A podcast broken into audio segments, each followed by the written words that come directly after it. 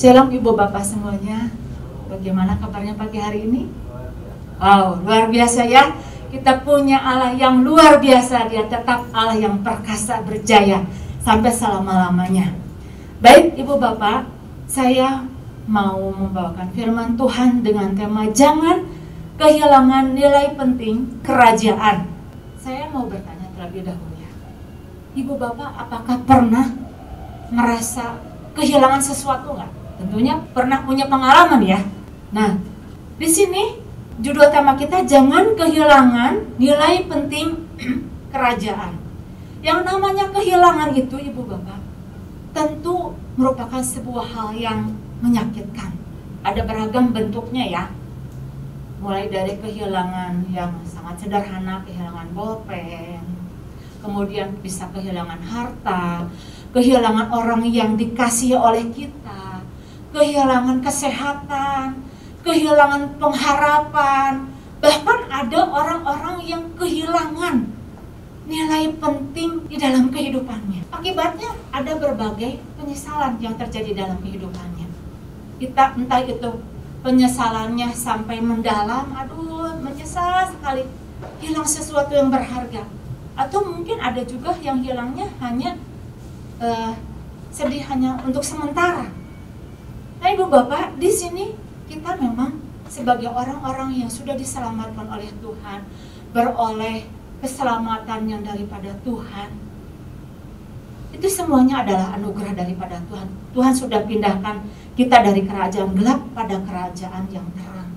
Tetapi tidak semua orang-orang percaya memiliki satu pemahaman yang mendalam tentang kerajaan surga ada berbagai hal. Mungkin karena dia kurang pengetahuannya, jadi menganggap nilai kerajaan itu adalah sebuah nilai yang nggak ada artinya.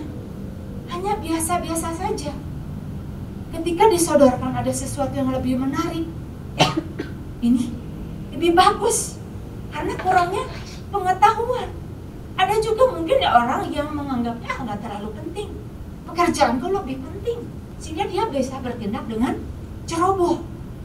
Nah, tapi sebaliknya, ketika seseorang tahu, wow, dia punya pemahaman yang benar, dia punya pemahaman yang yang mendalam tentang kerajaan surga, dia akan dibuat semakin ingin tahu, semakin mengejar apa sih tentang kerajaan surga itu.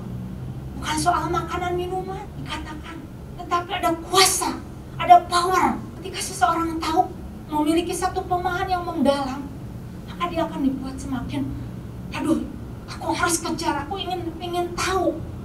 Nah ibu bapak, itu sebabnya lewat pesan Tuhan ini, Yesus mengumpamakan hal kerajaan surga itu seperti harta terpendam, seperti mutiara yang indah, sesuatu yang berharga. Jadi ketika orang tersebut menemukan harta terpendam, maka dia jual semua harta miliknya. Karena dia tahu, wow, ini sesuatu yang lebih bernilai daripada yang aku punya. Semua miliknya dia jual untuk memperoleh harta terpendam tersebut. Nah ibu bapak, jadi kalau begitu, ketika orang ini menjual semua harta miliknya, ayo sekarang kita rame-rame jual juga harta milik kita itu maksudnya. Kalau begitu, kalau misalkan seseorang yang punya aset lebih banyak, punya tabungan lebih banyak, punya punya rumah lebih banyak, punya mobil lebih banyak, wah, dia lebih beruntung karena bisa membeli harta terpendam tersebut. Betapa malangnya kalau misalkan seseorang, aduh aku nggak punya sesuatu yang berharga, aku nggak punya sesuatu yang bernilai. Mungkin kehidupanku seperti kayak begini, aku nggak bisa membeli harta terpendam tersebut nilai-nilai kerajaan surga tersebut. Nah ibu bapak yang dimaksud dengan uh, seseorang menjual seluruh seluruh hartanya itu bukan berarti sesuatu yang hanya bersifat materi saja sesuatu yang terlihat oleh mata.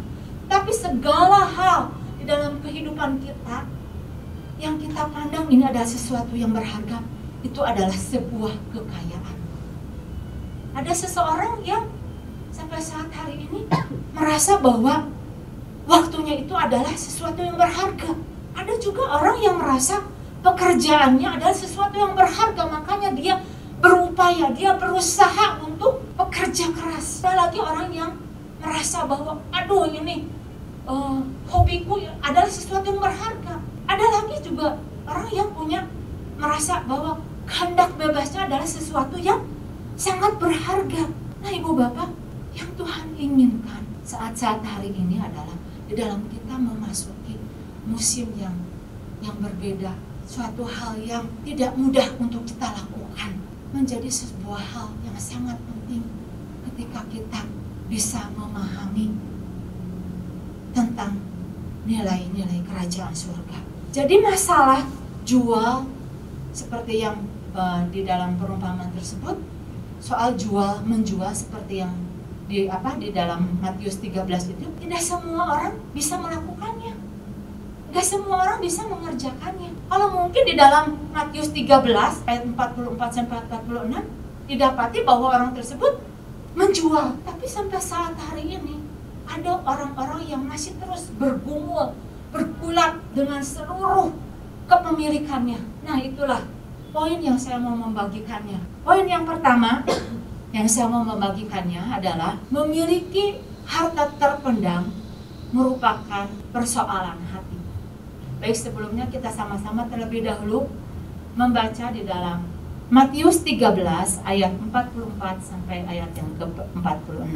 Saya ke-44, kemudian Ibu Bapak yang 45 dan selanjutnya sampai 46. Hal kerajaan surga itu seumpama harta yang terpendam di ladang yang ditemukan orang lalu dipendamkannya lagi. Oleh sebab sukacitanya pergilah ia menjual seluruh miliknya lalu memberi ladang itu. Silakan. Demikian pula kerajaan surga itu seumpama seorang Setelah ditemukannya mutiara yang sangat berharga, ia pun pergi menjual seluruh miliknya lalu membeli mutiara itu. Ibu bapak memiliki harta terpendam merupakan persoalan hati. Di dalam hati kita tahu ya, ada pikiran, ada perasaan, ada kehendak. Namun kenapa memiliki harta terpendam itu menjadi sebuah persoalan hati? Kalau di dalam perikop ini dikatakan bahwa orang tersebut ketika tahu bahwa di ladang tersebut ada harta terpendam, maka dia sukacita dan kemudian dia pulang membawa mem, apa, menjual semua harta miliknya.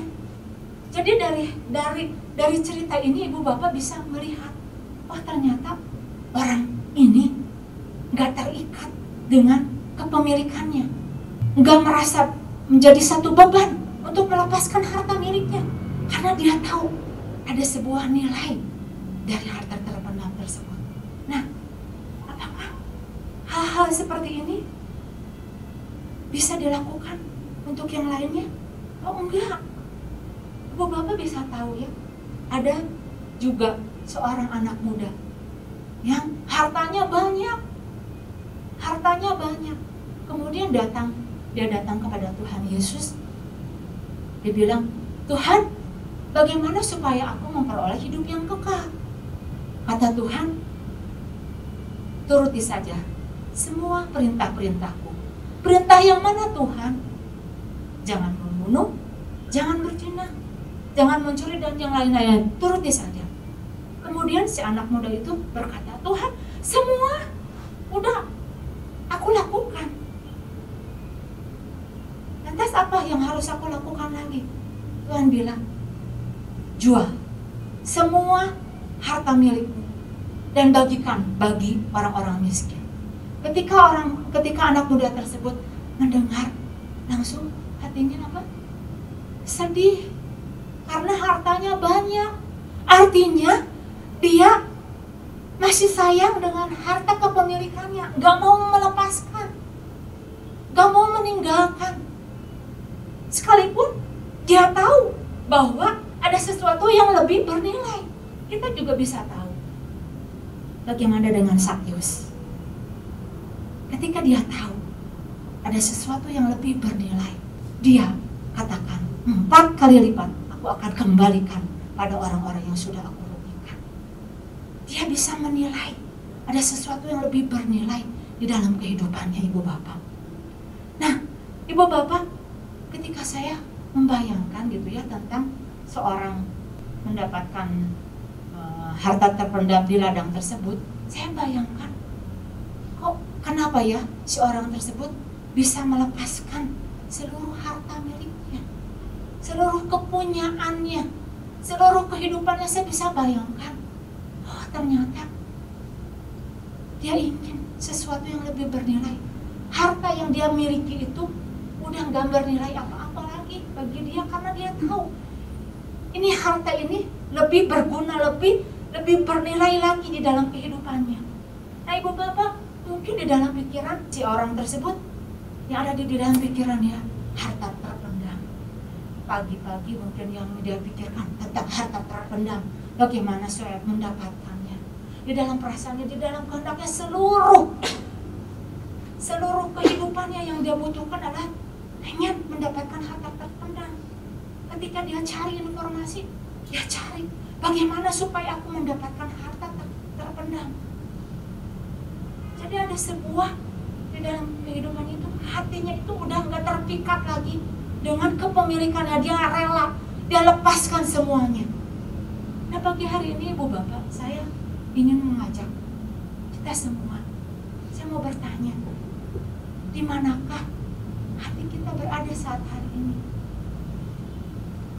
Apakah ada sesuatu yang sifatnya sementara, yang fana? Atau kita sedang mengejar sesuatu yang kekal? Di mana letaknya?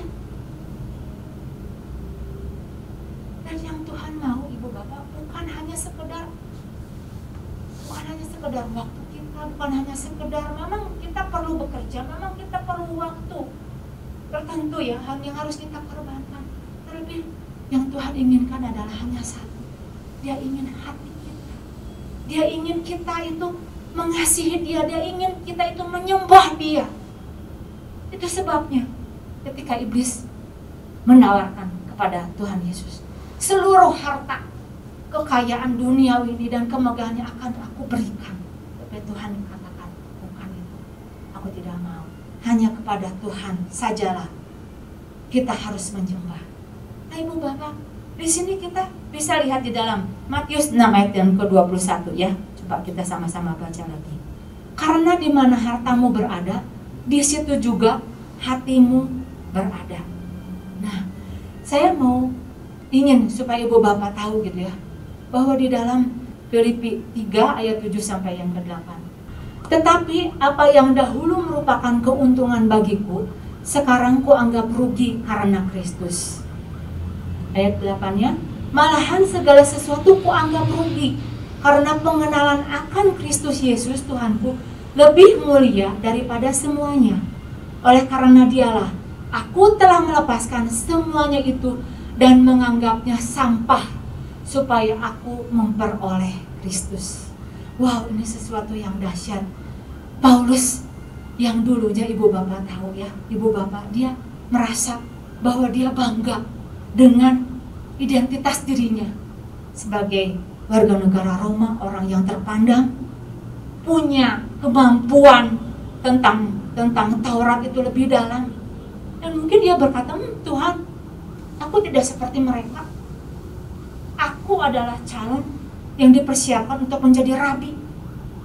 Mungkin kebanggaan dia, mungkin kepandaian dia, mungkin kehormatan jabatan yang dia miliki. Tetapi ibu bapak di sini kita katakan bahwa pada saat dia mengenal ada sesuatu yang lebih berharga, dia katakan semuanya itu enggak berguna. Semuanya itu adalah sampah. Supaya apa? supaya aku mendapatkan Kristus. Dulu yang menjadi keuntungan, sekarang ku anggap rugi karena pengenalanku akan Yesus lebih mulia dari segalanya.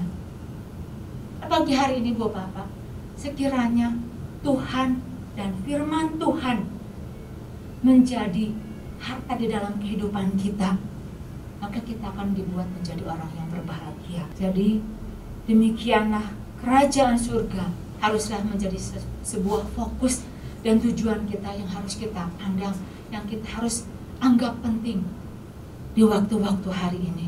Supaya apa Bapak? Supaya kita bisa menilai mana yang berasal daripada Tuhan yang memiliki nilai kekal dan yang tidak. Itu poin yang pertama yang saya membagikannya. Masalah eh, memiliki harta terpendam adalah persoalan hati di mana kita hati kita tetap memberikan tuntunan Tuhan. Perlunya untuk selalu minta pertolongan Tuhan. Bukan berjalan dengan diri kita sendiri kita perlu yang namanya firman menjadi pedoman bagi kita semuanya. Itu poin yang pertama. Kemudian yang kedua memiliki harta terpendam merupakan persoalan kepuasan. Diambil dari Matius 13 ayat yang ke-45 demikian pula hal kerajaan sorga itu seumpama seorang pedagang yang mencari mutiara yang indah ya. Memiliki harta terpendam merupakan persoalan kepuasan. Kepuasan di sini artinya kenyang. Kenyang karena sudah terpenuhi hasrat hatinya ibu bapak bisa pernah lihat gitu ya kalau orang yang kenyang sama makanan ketika dia ditawarin sama makanan yang lain yang mungkin menurut uh, orang-orang itu lebih enak belum tentu karena dia udah kenyang. Dia udah puas perutnya. Dia udah cukup merasa cukup. Jadi ketika ditawarkan lagi nggak mau. Lain hal dengan orang yang kelaparan ditawarin makanan yang yang kotor pun dia mau. Nggak mikir lagi bersih atau kotor. Nggak mikir lagi bergizi atau tidak. Dia mau. Karena dia lapar. Tetapi orang yang puas dia orang yang kenyang perutnya ditawarin sesuatu yang lebih enak belum tentu dia mau. Orang yang kenyang ibu dengan cintanya Tuhan dengan kasihnya Tuhan dia tidak akan mudah mencari perhatian-perhatian dari orang lain. Orang yang kenyang dengan kebaikan daripada kebaikan daripada Tuhan dia akan pernah iri ketika seseorang lain dipakai oleh Tuhan. Karena dia udah kenyang dengan semua kebaikan-kebaikan daripada Tuhan. Nah saya mau lihat di dalam Matius 13 ayat 45 ini demikian pula hal kerajaan surga itu seumpama seorang pedagang yang mencari mutiara yang indah seorang pedagang mencari mutiara yang indah. Jadi pedagang tersebut cari mutiara yang indah. Ketika ketika pedagang tersebut mungkin dia udah punya sesuatu, tapi sepertinya dia mencari itu artinya masih ada sesuatu yang belum dipuaskan. Masih ada sesuatu yang dia cari. Kepuasan sampai dia katakan dia mencari mutiara yang indah dan dikatakan bahwa ketika tahu bahwa mutiaranya indah itu dia jual semuanya. Jadi pada saat dia mendapatkan mutiara yang indah artinya seluruh hasratnya seluruh keinginannya sudah terpenuhi. Di sini dikatakan bahwa dia mencari. Kita nggak pernah tahu. Si orang pedagang itu mencarinya apakah satu bulan dua bulan tiga bulan satu tahun, tiga tahun, atau sepuluh tahun kita tidak pernah tahu. Tetapi yang kita tahu bahwa dia ketika ketika mendapatkan sesuatu yang lebih berharga, dia puas.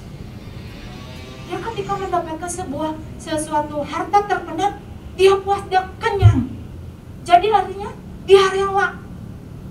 Dia nggak butuh sesuatu yang lebih yang hal-hal yang lain lagi. Nah ibu bapak saya mau bertanya apa sih yang sedang kita cari saat-saat hari ini? Kepuasan apa yang sedang kita cari? Mungkin kita dulu e, dari dulu sedang mencari. Apakah kita sedang mencari posisi supaya saya dihargai? Apakah kita sedang mencari sebuah ketenaran? Apakah kita sedang mencari sebuah kekayaan yang lebih besar lagi? Saya katakan semua yang ada di dunia ini sifatnya adalah tidak permanen. Semua sifatnya adalah sangat sementara sekali. Jadi jangan salah pengejaran kita. Hari-hari ini banyak orang sudah salah pengejarannya. Apa yang sementara yang dia bakal tinggalkan tidak dibawa sampai kepada kekekalan dia usahakan dia perjuangkan habis-habis habis-habisnya karena dia merasa bahwa ini adalah sebuah penilaian yang sangat berharga. Padahal enggak. Jangan sampai tertipu. Nah ibu bapak saat-saat hari ini ya kita tahu kan oksigen kosong. Di mana-mana ya sampai rumah sakit minta maaf kalau sampai tidak bisa menyuplai oksigen. Orang berusaha untuk memperjuangkan supaya pemenuhan kehidupannya berlangsung terus bisa berjalan terus. Orang berusaha sampai saat hari ini pun saya masih mendapati orang-orang yang masih berusaha untuk bisa dipuaskan. Hasratnya, keinginannya, kebutuhannya. Banyak orang menjadi salah kaprah. Kalau ada seorang ilmuwan berkata ada banyak ruangan demi ruangan di dalam hati kita. Mungkin itu bisa diisi oleh yang namanya ketenaran oleh yang namanya kehormatan tetapi ada sebuah ruang yang tidak bisa diisi oleh siapa pun juga hanya oleh Allah hanya oleh Yesus Kristus itu sebabnya ibu bapak ketika Daud tahu bahwa hanya Yesus yang dia butuhkan. Dia katakan satu hal telah ku minta, itulah yang ku miliki. Di dalam di dalam Mazmur ya, coba sama-sama kita baca terlebih dahulu. Mazmur 27, satu hal telah ku minta, itulah yang ku ingini, diam di rumah Tuhan seumur hidupku. Jadi Daud merangkum seluruh perjalanan kehidupannya bahwa hanya ada satu saja yang bisa memuaskan kehidupanku yaitu apa? Diam di rumah Tuhan tinggal di hadirat Tuhan menikmati hadirat Tuhan. Dia menikmati kebaikan demi kebaikan Tuhan. Adakah ibu bapak sampai saat hari ini ibu bapak tidak pernah merasakan kebaikan Tuhan? Tanda-tanda kebaikan yang Tuhan sudah diberikan dalam kehidupan kita. Dan kita bisa berkata Tuhan hanya di dalam hadirat Tuhan aku bisa puas.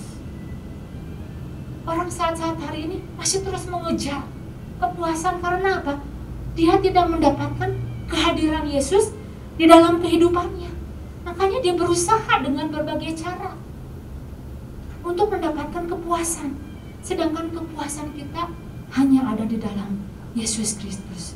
Jadi pengejaran kita mengenai sesuatu yang bernilai kekal itu akan menentukan kepuasan kita. Pada saat kepuasan kita terpenuhi, maka ketika kita ditawarkan ada sesuatu yang lain, enggak, aku sudah puas. Aku tahu ada sesuatu yang lebih bernilai. Aku puas dengan semua kebaikan demi kebaikan Tuhan. Sehingga ketika disodorkan ada sesuatu yang lebih menarik lagi, dia dengan mudahnya menjual semua kepemilikannya dan berkata, Tuhan, hanya Engkau yang aku butuhkan, bukan yang lain. Lalu dunia bisa apa memberikan kepuasan, itu sifatnya hanya sementara. Tetapi kepuasan yang Tuhan berikan itu membuat kita semakin bergairah, semakin ingin mengasihi Tuhan. Dan yang Tuhan inginkan adalah kita puas karena kita memiliki kekayaan yang benar di dalam Tuhan. Nah, Ibu Bapak, pagi hari ini dua hal yang saya mau membagikannya buat Ibu Bapak. Jadi memiliki nilai terpenting dalam kehidupan kita adalah menyangkut persoalan hati kita. Kita minta senantiasa tuntunan daripada Roh Kudus penuhi hidup kita senantiasa dengan Roh Tuhan dan bawa hidup kita untuk semakin hari semakin hanya dipuaskan oleh kehadiran Tuhan di dalam kehidupan kita. Demikian firman Tuhan, Tuhan Yesus